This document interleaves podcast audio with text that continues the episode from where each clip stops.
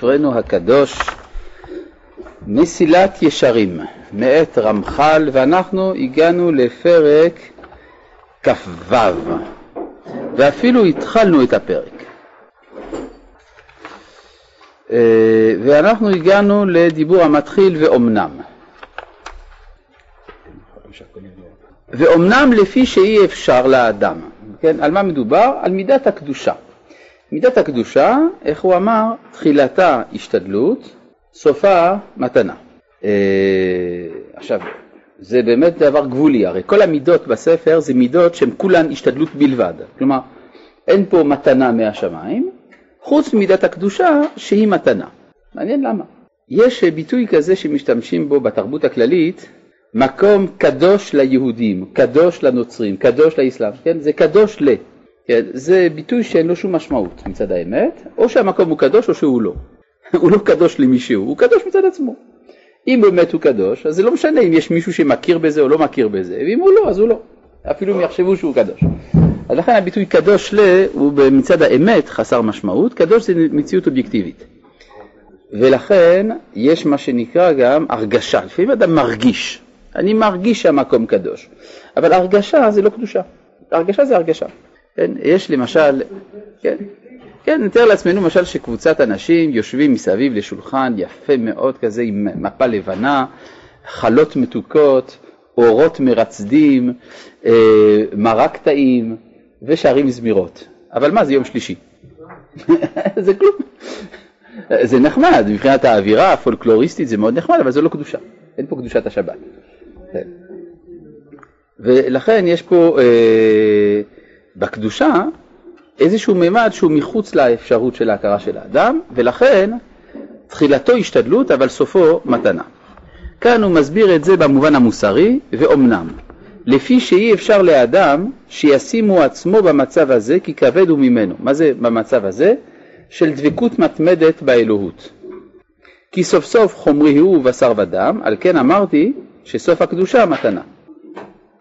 כי מה שיוכל האדם לעשות הוא ההשתדלות הראשון ברדיפת הידיעה האמיתית והתמדת ההשכלה בקדושת המעשה, אך הסוף הוא שהקדוש ברוך הוא ידריכהו בדרך הזה שהוא חפץ ללכת בה וישרה עליו קדושתו ויקדשהו. ואז יצלח בידו זה הדבר שיוכל להיות בדבקות הזה עמו יתברך בתמידות. כלומר, יש בספר מורה נבוכים דיון לגבי הקדושה המתמדת. האם יש אפשרות בכלל שאדם יהיה במצב קבוע של דבקות בדעת אלוהים. כן, הרי מה זה הקדושה? דבקות בדעת אלוהים, שאדם יודע את השם. איך אדם יודע את השם? ודאי שלא על ידי התרגשות. אדם יודע את השם על ידי שכל. איך אומר הרמב"ם? אין אדם יודע את השם, אלא בדעת שידעהו, לפי הדעת תהיה האהבה, עם מעט מעט ועם הרבה הרבה. לפיכך צריך לייחד את עצמו ללימודים המודיעים לו את, את קונו, כפי שביארנו בהלכות יסודי התורה. כן, זה סוף פרק עשירי שהוא סוף הלכות תשובה לרמב"ם, כפי שביארנו בהלכות יסודי התורה. אם כך, אה, איך אפשר להגיע למצב מתמיד של קדושה, אם זה בכלל אפשרי? הרמב"ם אומר שבהיסטוריה היו רק ארבעה אנשים שהגיעו לזה, רק ארבעה, והם האבות ומשה. זהו, אברהם, יצחק, יעקב, משה, הם אלה הארבעה שהגיעו לדבקות מתמדת. הרב קוק, באורות הקודש חלק ג', אומר לא, אפשר, שכל אדם יהיה במדרגת, אה, לא כל אדם, אבל רבים יכולים להגיע למצב של דבקות מתמדת, חולק על הרמב"ם. הכיצד? אז הוא שמע, לא מסביר שהוא לא ממש חולק על הרמב"ם, לא ממש, אלא שהרמב"ם מדבר על מדרגת דבקות כזאת שבאמת היא ייחודית מאוד, שרק האבות הגיעו אליה. אבל יש מדרגות אחרות של דבקות, שבאמת כל אדם יכול להגיע אליהם לדבקות מתמדת, זה אפשרי. פחותות אבל מתמידות בכל זאת, והן עדיין בגדר הקדושה. כלומר הרמב"ם הוא קיצוני, או קדושה מוחלטת או כלום.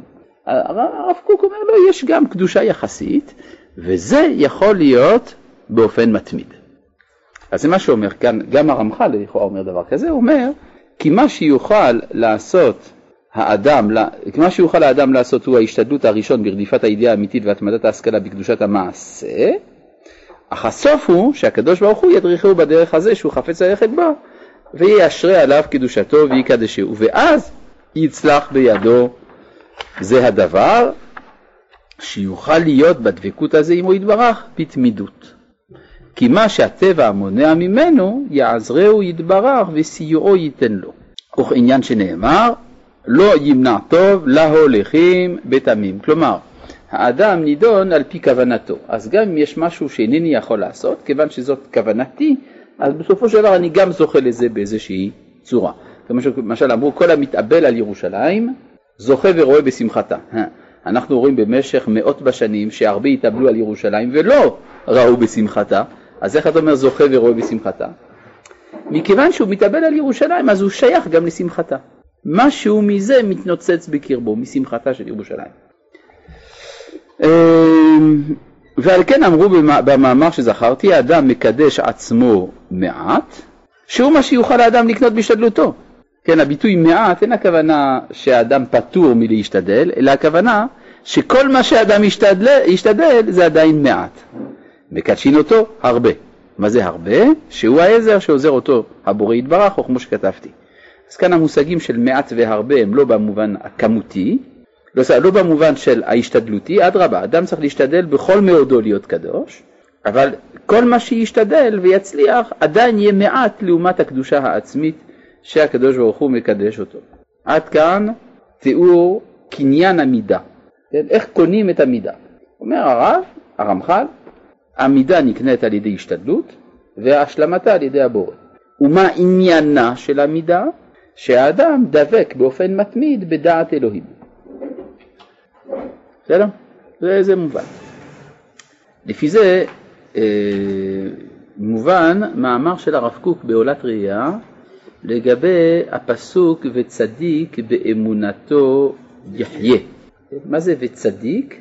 באמונתו יחיה. אגב, היום מקובל משפט אה, מטופש כזה, איש באמונתו יחיה. ועוד אומרים שזה כתוב במקורות של היהדות. לא, אין דבר כזה ביהדות. יש וצדיק באמונתו יחיה. השאלה מה פירוש יחיה. אז הרב דן שמה בשאלה מאוד רצינית, איך אפשר להתפלל ובאותו זמן גם להאמין, ללמוד ולהאמין, למכור עגבניות ובאותו זמן גם להאמין. הרי אם אני עוסק באיזושהי פעולה ויש מחשבה אחרת שנכנסת לי לתוך הראש, המחשבה הזאת טורדת אותי. אני לא יכול באותו זמן גם, אה, אני יודע, לגזור בד ולפתור תרגיל במתמטיקה. כי או שהתרגיל יצא לא נכון, או שהגזירה תצא לא נכון.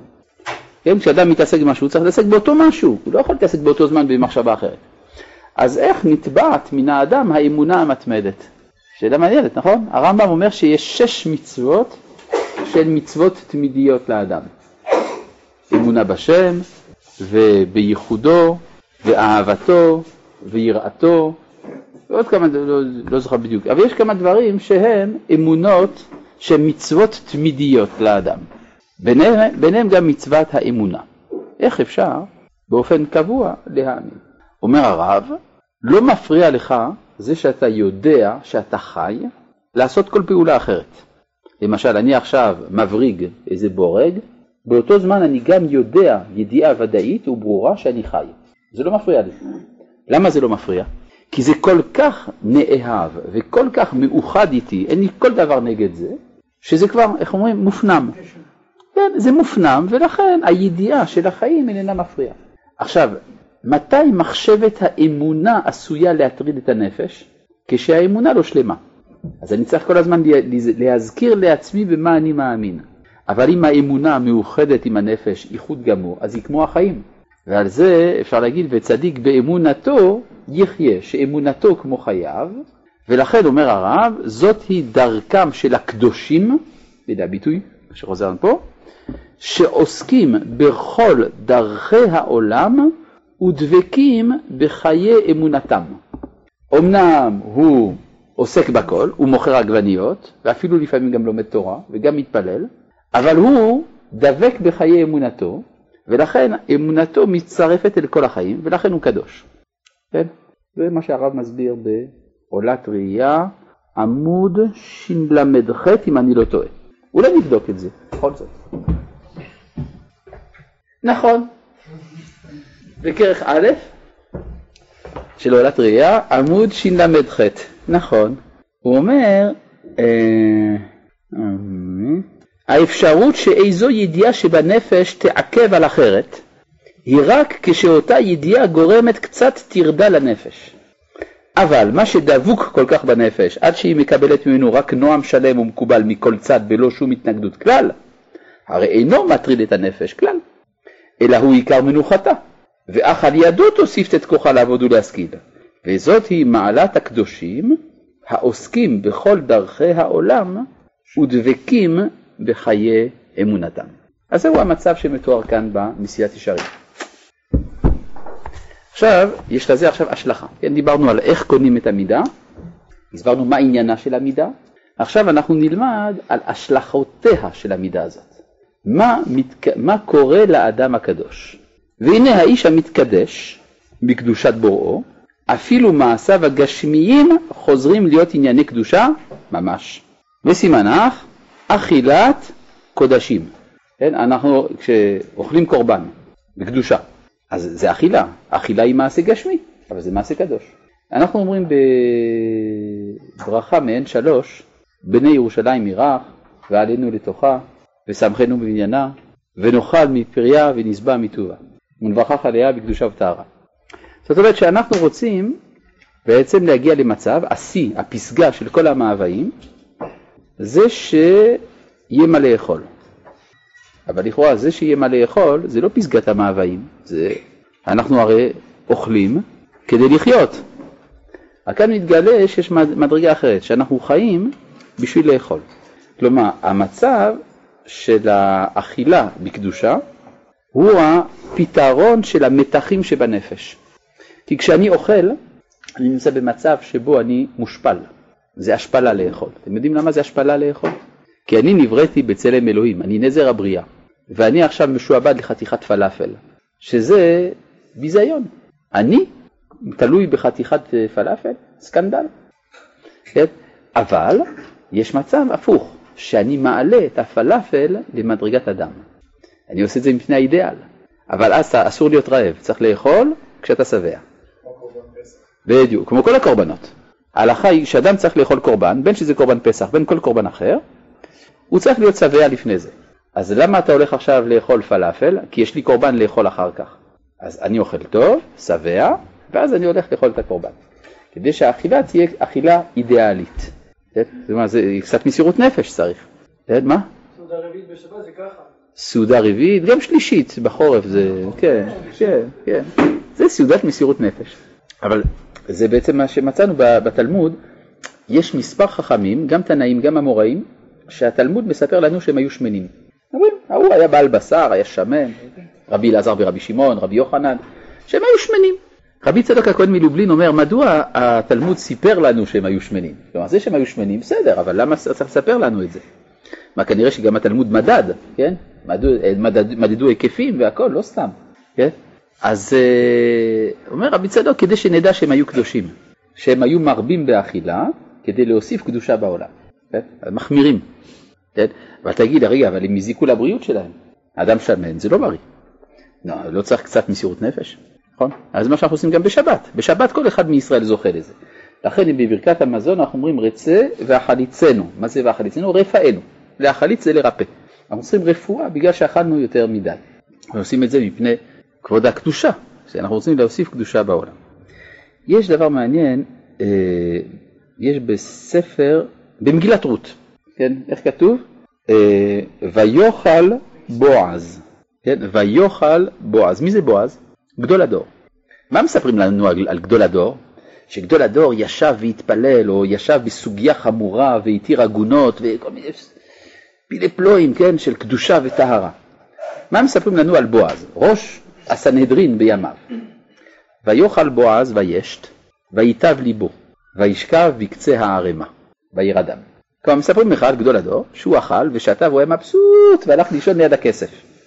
הרי מה זה הערימה? זה ערימת השעורים, יש לו שעורה, הוא עובד קשה, יש לו עכשיו, זה בדיוק הזמן של הקציר, עכשיו כל, ה, כל הכסף פה, אסור שזה ילך לאיבוד, הולך לישון ליד זה, שלא יגנבו. זה מה שיש לספר על גדול הדור. אז חז"ל הסבירו מה זה וייטב ליבו, ויאכל בועז וישת, וייטב ליבו בדברי תורה. אז מה? כאילו הוא אמר איזה וורט על השולחן, וזה היה הקדושה שלו, נכון? שהוא פתאום יישב איזה רמב"ם קשה, וזה היה הקדושה של בועז. ככה נראה לכם. אבל הרב קוק באורות הקודש, מישהו, אורות הקודש חלק ג', מישהו גנב את זה. משהו נורא. טוב, אין, אז אין, אין, אין, נסתדר, לא, לא, תעזוב, תעזוב, למה לך, למה לך? כשדג גנב שבגללו אי אפשר לצטט מהספר, לא נורא. אה, הרב קוק אומר שאצל האנשים הקדושים כל דרכי החיים הם הם קדושה. ולכן מה שכתוב וייטב ליבו בדברי תורה, מסביר הרב שהם האכילה והשתייה עצמם. זה דברי תורה של בועז. אמנם התלמוד לא אומר את זה, כי התלמוד מתרגם את זה עבור הדור שאחרי תקופת הנבואה. אחרי תקופת הנבואה, אז אתה לא יכול לדבר על אכילה ושתייה במונחים של קדושה עצמית, אבל אצל בועז זה כן אפשרי. הוא אדם קדוש. אז כל המעשים שלו זה קדושה. אז בואו נראה שוב, והנה האיש, הנה, עכשיו אנחנו מתוך כך יכולים להבין דברי רמח"ל.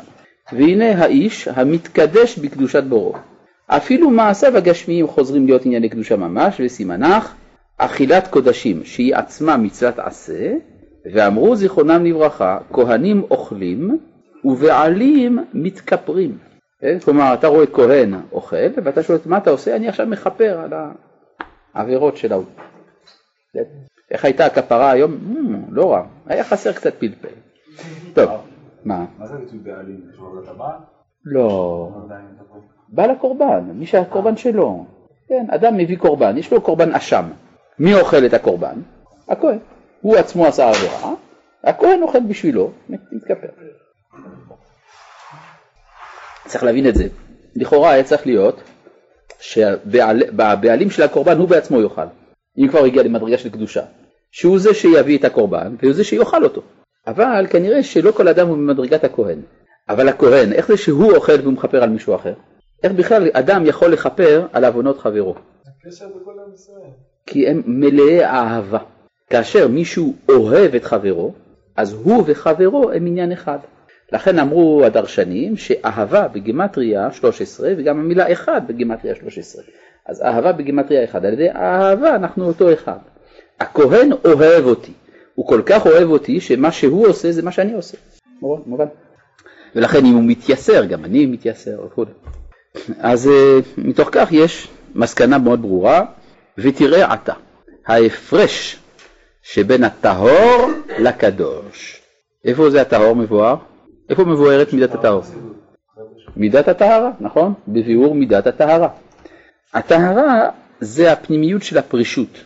כן, הרי הסברנו שיש פה שלוש מדרגות, צדיק, חסיד, קדוש.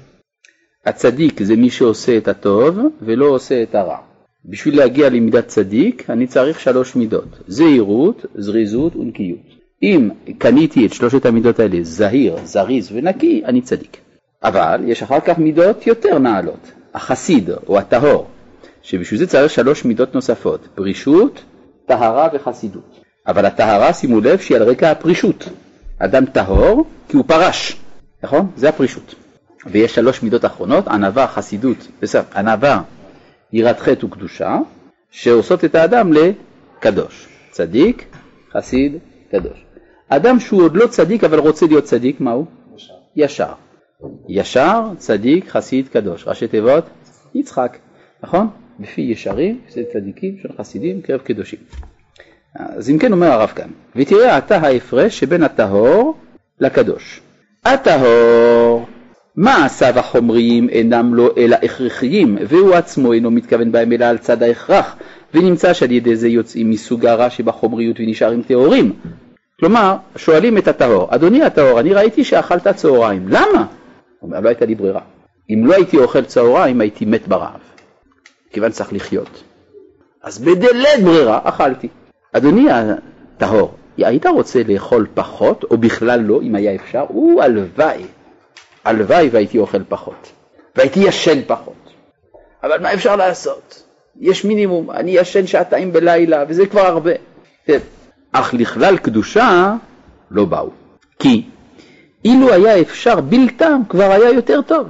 אך הקדוש, הדבק תמיד לאלוהיו ונפשו מתהלכת בין המושכלות האמיתיות באהבת בורו ויראתו, הנה נחשב לו כאילו הוא מתהלך לפני השם בארצות החיים עודנו פה בעולם הזה. ומה שמצאנו למשל לגבי האבות, מסביר הרמב"ם, איך האבות הגיעו למצב של דבקות מתמדת. הוא אומר כי כל חייהם היו בשביל להקים אומה שיודעת את השם, ולכן הם גידלו כבשים ועיזים. כן, אתה שואל את יצחק אבינו, תגיד, כל מה שיש לך לעשות בחיים זה לטפל בכבשים? הוא אומר, כן, על ידי זה אני מקים אומה. אה, אתה בשביל להקים אומה שיודעת את השם, אז כל מה שאתה עושה זה דעת אלוהים. כן, אז הכבשים שלו זה קדוש. לכן אמרו זבל פרדותיו של יצחק ולא כספו וזהבו של אבימלך. ויותר מזה, מצאנו שיצחק אומר משפט מאוד תמוה, עשה לי מטעמים כאשר אהבתי, בעבור תברכך נפשי בטרם אמות. כלומר, שיצחק אמר, אני רוצה לברך אותך בני היקר, אבל אני לא יכול לברך אותך אם אין פה אוכל קצת, תביא משהו ככה, שזה יהיה טעים, אבל מה, לא סתם טעים, כאשר אהבתי, כלומר, אתה יודע, אתה מכיר את הטעם האישי שלי, אז שהטיבול יהיה בדיוק כמו שאני אוהב, ואז אני אוכל לברך אותך. מה מביאים לו אגב, בסוף? שני גדיי עזים, זקן אחד אוכל שני גדיים, שני גדיים, וגם אה, הביאו לו יין, בהתאם, ולחם וזה, עשה לו מטעמים, קיצור, חז"ל אומרים שזה היה ליל פסח, כן? ליל פסח, אז הביא לו שני קורבנות, קורבן פסח וקורבן חגיגה, ואז הלחם זה המצות והיין זה ארבע כוסות, והמטעמים זה המרור, בסדר, אז הוא כל זה. אבל בכל זאת, הוא רוצה שזה יהיה טעים. הוא לא סתם רוצה לצאת ידי חובת אכילת קורבן פסח, אלא הוא רוצה שזה יהיה טעים. הטעמים של יצחק זה קדוש. או? למשל הוא היחיד שכתוב עליו, שמספרים על חיי האישות שלו. והנה יצחק מצחק את רבקה אשתו. ראיתם על איזשהו צדיק שהת... שהתורה תראה לנכון לספר לנו את זה?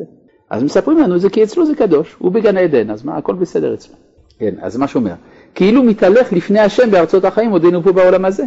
והנה איש כזה הוא עצמו נחשב כמשכן, כמקדש וכמזבח. וכמאמרם, זיכרונה לברכה, ויעל מעליו אלוהים. מה זה מעליו? האבות הן הן המרכבה. וכן אמרו הצדיקים הן הן המרכבה. כי השכינה שורה עליהם, כמו שהייתה שורה במקדש. הרי כתוב, ועשו לי מקדש ושכנתי בתוכם. אז בתוכם סימן שגם הם מקדש. יש שם מקדש, ובתוכם יש גם מקדש. ומעתה, המאכל שהם אוכלים הוא כקורבן שעולה על גבי האישים. כי ודאי הוא שהיה נחשב לעילוי גדול אל אותם הדברים שהיו עולים על גבי המזבח כיוון שהיו נקרבים לפני השכינה. וכל כך יתרון היה להם בזה עד שהיה כל מינם מתברך בכל העולם. כלומר על ידי פרה אחת שקרבה על גבי המזבח, כל בעלי החיים, קל וחומר הפרות, מתברכות בעולם כולו. הרי זה מה שאמרו, שמזבח מאריך ימיו של, של אדם, לכן אסור לשים חרב על גבי המזבח, כי החרב מקצר ימיו של אדם, והמזבח מאריך ימיו של אדם. בניגוד לדעתה של מרים בת בלגה. מרים בת בלגה, זוכרים אותה, נכון? טוב מאוד שהם לא זוכרים, מרשעת הייתה. כן, מרים בת בלגה הייתה כהנת ממשמר בלגה, יש 24 משמרות מכהונה, אחד מ-24 משמרות זה משמר בלגה. וכאשר נכנסו היוונים להיכל, אז היא טפחה בסנדלה על גבי המזבח, ואמרה לוקוס, לוקוס, עד מתי אתה מכלה ממונם של ישראל ואינך עומד להם בשעת דוחקם. אז בגלל זה אחר כך כנסו את כל המשמר, סיפור שלם. לוקוס זה זאב ביוונית. כן, שמעתי שהרב עובדיה יוסף פעם אמר לוקסוס, לוקסוס, עד מתי אתה מכלה ממונם של ישראל. כן. זה גם, טוב. אה, כן. וכל כך יתרון היה להם בזה, עד שהיה כל מינה מתברך בכל העולם, ומחמרם זיכרונם לברכה במדרש, כן המאכל והמשתה שהאיש הקדוש אוכל. עילוי הוא למאכל ההוא ולמשתה ההוא, כאילו נקרב על גבי המזבח ממש. אגב, זה היסוד של הטיש של החסידים, נכון? אצל החסידים הרבה אוכל, ואז מה שהוא אוכל ממנו מתקדש, אבל יש קושייה גדולה על זה.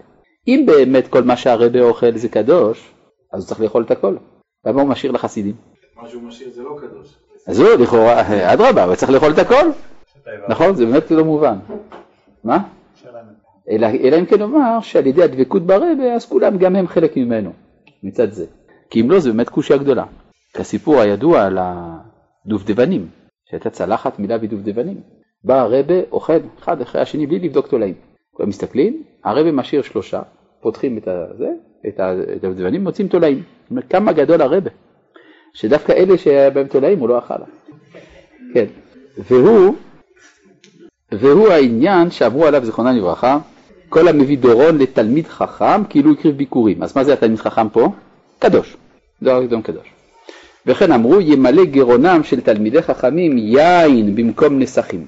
ואין הדבר הזה שיהיו התלמידי חכמים להוטים אחרי האכילה והשתייה, חס ושלום, שימלא גרונם כמלאת את הגרגרן. כתוב למשל שתלמיד חכם שמגיע לשמחה של עם הארץ, אסור לו לאכול שם. למה? שלא יאמרו שהוא בא למלא בטנו. כל האחרים גם כן באו למלא בטנם, אבל הם מסתכלים עליו ואומרים, אה בטח הוא בא למלא בטנו. אז שהוא לא אוכל.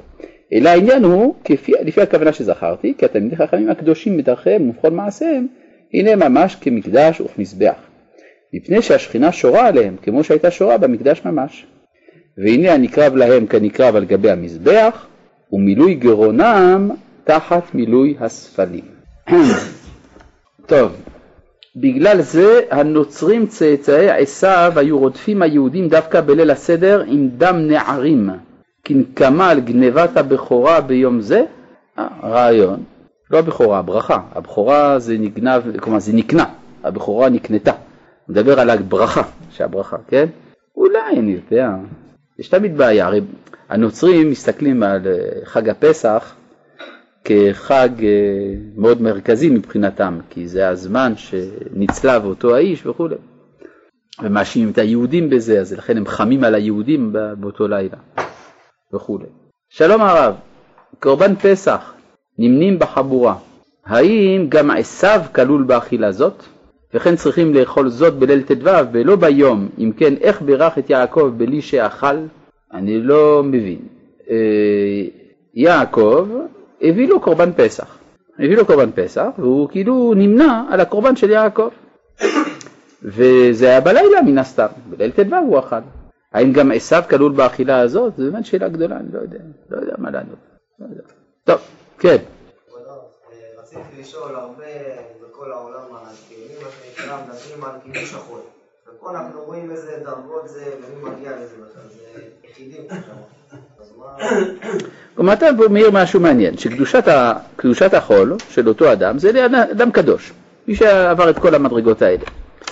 כן, ויש מדרגה יותר גדולה מהקדוש. לא, טהור זה פחות מקדוש. יש מדרגה יותר גדולה מהקדוש, זה כלל ישראל. הרי בפי ישרים תתרומם, צדיקים תתברך, ובלשון חסידים תתקדש, ובקרב קדושים תתהלל, ובמקהלות רבבות עמך בית ישראל. שרבבות עמך בית ישראל, העמך, זה גדול מהקדושים. ולכן החול ששייך לכלל ישראל הוא קדוש יותר מן החול שמקדש אותו אדם קדוש פרטי. לכן דווקא הציונים מבינים את זה, שהציונים מבינים שכל מה שנעשה לשם בניין האומה בארץ ישראל, יש לו קדושה עצומה, ולכן כתב הרב קוק ששחקני הכדורסל הם עוזרים למקובלים שמכוונים כוונות, נכון? כידוע. זה הרי שאלה ששאלו, הרי מישהו, אחד מגדולי, מהמקובלים בטבריה שלח מכתב לרב קוק, איך כתבת באורות? שההתעמלות של בחורי ישראל שכדי, שהם עושים כדי להיות בנים אמיצי כוח לאומה, שהדבר הזה מרומם את השכינה יותר מזמירות שדוד מלך ישראל זימר, ושהמקובלים כולם תלויים בהשגותיהם, באלה המתעמלים. איך אתה כותב דברים כאלה? אז הרב קוק עונה, זה במכתב שמודפס בסוף נפש הראייה, במהדורה של אה, מכון הריצייה, שם, שם הרב מסביר שכל דבר ששייך לכלל ישראל הוא קדוש. וכיוון שהם בונים את הכלל, אז ממילא יש שם קדושה גדולה, אלא שהחיצוניות צריכה תיקון רב, אבל הפנימיות היא קדושה. בבקשה אדוני, דבר.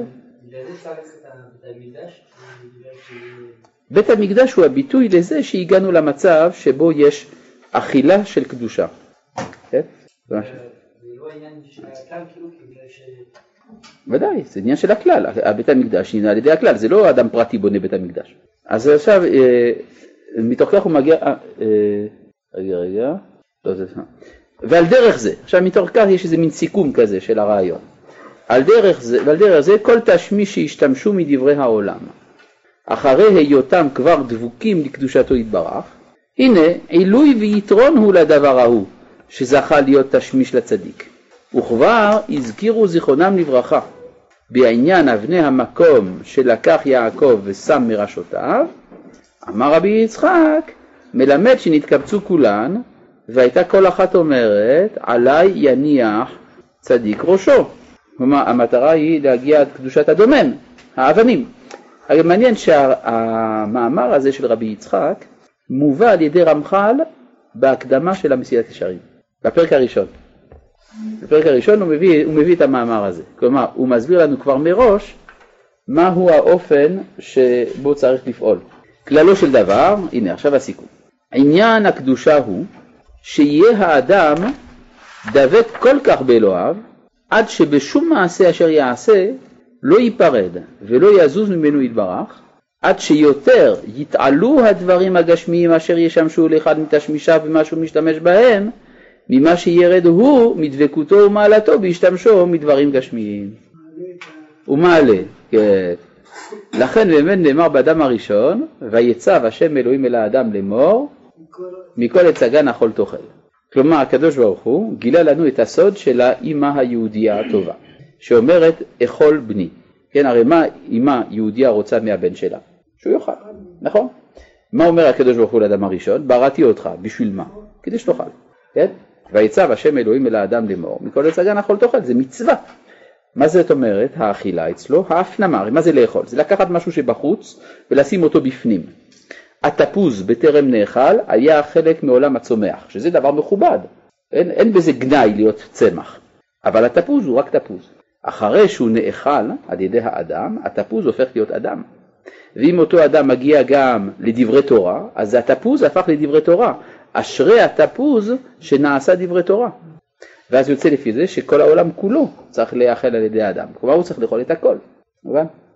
כי יש איזה בעיה, יש הפרש בינינו לבין העולם, ואת זה כבר חווינו כשהיינו עובר ברחם אימנו. הרי העובר לא, הוא קטן, זה הגודל של עובר לפעמים, אחר כך זה גדל, אבל זה קטן בכל זאת. עכשיו העובר נמצא בתוך נוזל, והנוזל זה כל עולמו, ויש גבולות לעולמו שזה דופני הרחם, עד שם זה מגיע, אבל יש הפרש בינו לבין העולם. אבל תוך כדי ההיריון העובר הולך וגדל, ואז יש זהות בינו לבין עולמו, עד שהוא ממלא את כל חלל העולם. ואז מה הוא עושה? הוא יוצא אל רחם יותר גדול, שזה העולם שלנו, עד שהוא יצליח לאכול את הכל. כאשר האדם אוכל את כל העולם, אז הוא כבר כאן שהוא העלה את הכל, אז הוא יוכל עכשיו להיוולד מחדש לעולם הבא. ברור? אנחנו עוברים מעולם לעולם, הולכים ואוכלים עולמות, והולכים וגדלים, זה מובן? זה המטרה. אלא מה? מעניין שאומרים שהמטרה של החיים היא לאכול, זה נשמע מצחיק, נכון? יש איזה גיחוך. למה? כי אצלנו האכילה באה מפני ההכרח. כיוון שהיא באה מפני ההכרח, יש בה גנאי, כי היא פוגעת בחירות שלנו. אבל המטרה היא פה להעלות מההכרח אל החירות. מובן? טוב. מה זה לפי זה חזון הצמחונות? לפי זה חזון הצמחונות ממש לא חזון טוב, לפי זה. לפי זה אדרבה, יותר טוב חזון אכילת הבשר, נכון? לפי זאת שאלתך, נכון? כן, כן, כן. אתה צודק. לכן באמת הרב צבי יהודה קוק בספר אור לנתיבתי כותב מאמר שלם הנקרא מאמר אה, אחדות המציאות השלמה נגד הצמחונות, על יסוד מה שאני אמרתי עכשיו. אחר כך הוא כותב, והרי בכל זאת, לעתיד יש צמחונות, נכון? עד כאן, אז הוא שואל את השאלה שלך גם כן. אבל קודם כל הוא מסביר לנו מדוע הצמחונות זה לא טוב. כי אדרבה, צריכה להיות אחדות שלמה. מסכנות הפרות שלו נאכלות, אני רוצה לאכול, פ... הפרה מתחננת שאני אוכל אותה, והנה עכשיו אני נהייתי צמחוני, איפה, איפה, זה לא פייר, למה לעשות לה את זה? אלא מה, לעתיד לבוא אנחנו מגיעים למצב שכבר אין הזדקקות של הנבראים זה לזה. שכל אחד מגלה את האור האלוהי שבקרבו בבחינת ולא ילמדו עוד איש את רעהו ואיש את אחיו לאמור דעו את השם כי כולם ידעו אותי. אז כשמגיעים למצב הזה כבר מתבטלת ההדדיות של חלקי הבריאה זה בזה ואז כל אחד הוא ערך בפני עצמו ואז הצמחונות יש לה מקום, בסדר? אבל הרב שמה מסביר, הרב סיודה מסביר שגם בכלל לא רק הצמחונות, לא רק אכילת הבשר תתבטל, גם הצמחונות תתבטל. יבוא זמן שגם לא, לא נאכל יותר מלפפון, זה אכזרי נורא לאכול סלט. כי אתה מנתק את המלפפון ממקור חיותו. מי התיר לך? מה אתה אומר? הרב דיבר על אה, שצריך לאכול את כל העולם, להעלות את כן. כל העולם. דיברנו בעיקר על אכילה פיזית, אבל מה עם דברים אחרים שלא נאכלים? מי אמר שדיברתי על אכילה פיזית? דיברתי גם על אכילה פיזית. הדברים? למשל, כתוב, אדם הראשון נאמר שלא לאכול מעץ הדעת, נכון? תגידי, איך, אוכלים דעת? איך אוכלים דעת? נו, תגיד לי. בלימוד.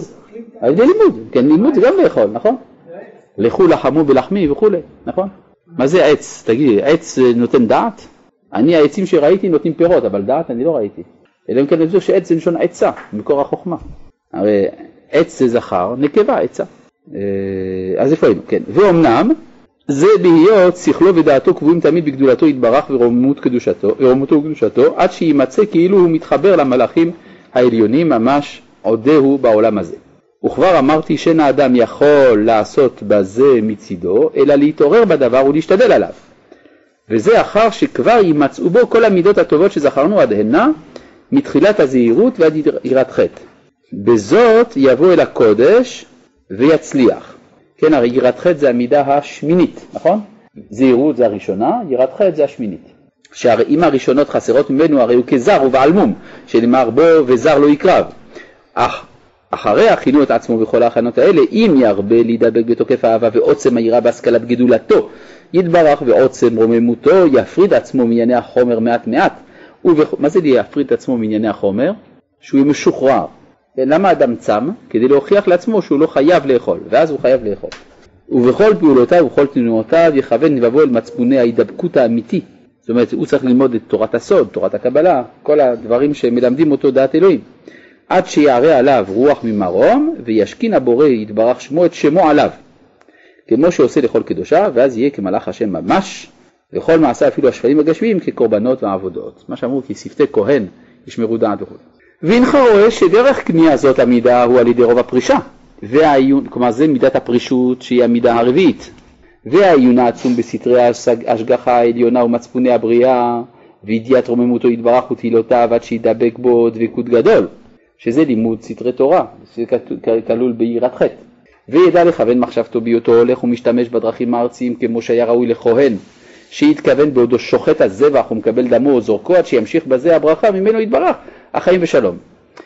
והשלום. זה כמו שמצאנו שלמשל הקורבנות זה המצווה הכמעט יחידה שבה מחשבה פוסלת. וזולת זה אי אפשר שישיג מעלה זו ויישאר על כל פנים חומרי וגשמי ככל שאר בני אדם. והנה מה שעוזר להשגת המידה הזאת הוא ההתבודדות והפרישה הרבה כדי שבהיעדר המטרידים תוכל נפשו להתגבר יותר ולהידבק בבוראה. אז זה כמו כל המידות למדנו מה דרכי המידה ומה מפסיד את המידה.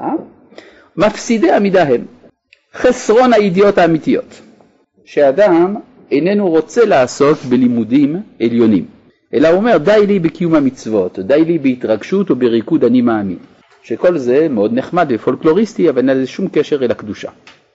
לכן אדם שחושב שעל ידי שהוא מדליק נר משאהבה צבעונית, על ידי זה הוא קדוש יותר, טועה. ורוב החברה עם בני האדם. כן, מה זה רוב חברה עם בני אדם? הרי צריך אדם להיות מעורב עם הבריות, אלא הכוונה שהוא כל הזמן משועבד לזה, שהבריות יהיו איתו.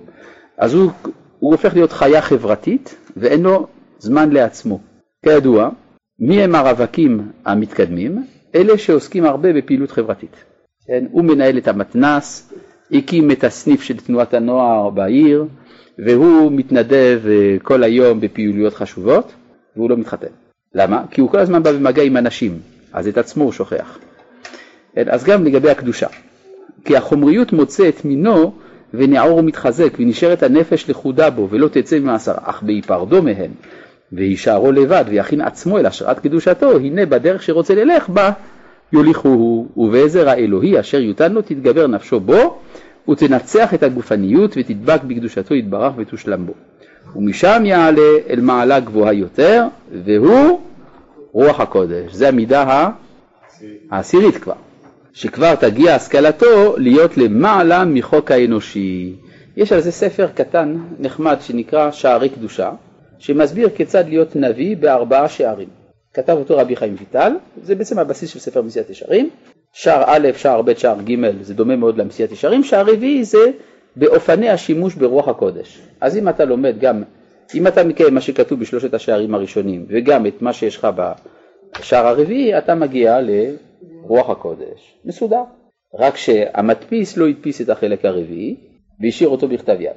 טוב, בדור האחרון הדפיסו גם את החלק הרביעי, אבל זה נמצא רק בספריות מסוימות, אז בכלל לא משנה. בכל מקרה, מה שכתוב בחלק הרביעי זה שם הרבה דברים על התבודדות ופרישות וטהרה וכולי וכולי.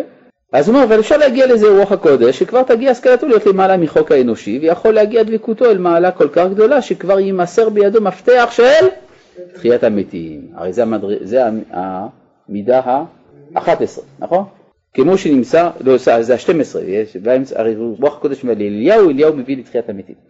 כמו שנמסר לאליהו ולאלישע, שהוא מה שמורה על עוצם ההידבקות בו יתברך, שבהיות הוא יתברך שמו מקור החיים, הנותן חיים לכל חי, וכמאמרם זיכרונו לברכה, שלושה מפתחות למסור ביד שליח, מפתח של תחיית המתים וכולי. הנה הדבק בו יתברך דבקות גמור, יוכל למשוך ממנו יתברך אפילו משך החיים עצמם, שהוא מה שמתייחס לו בפרט יותר מן הכל, כמו שכתבתי, והוא מה שסיים הברייתא, וקדושה מביאה לרוח הקודש, ורוח הקודש מביא לידי תחיית המתים.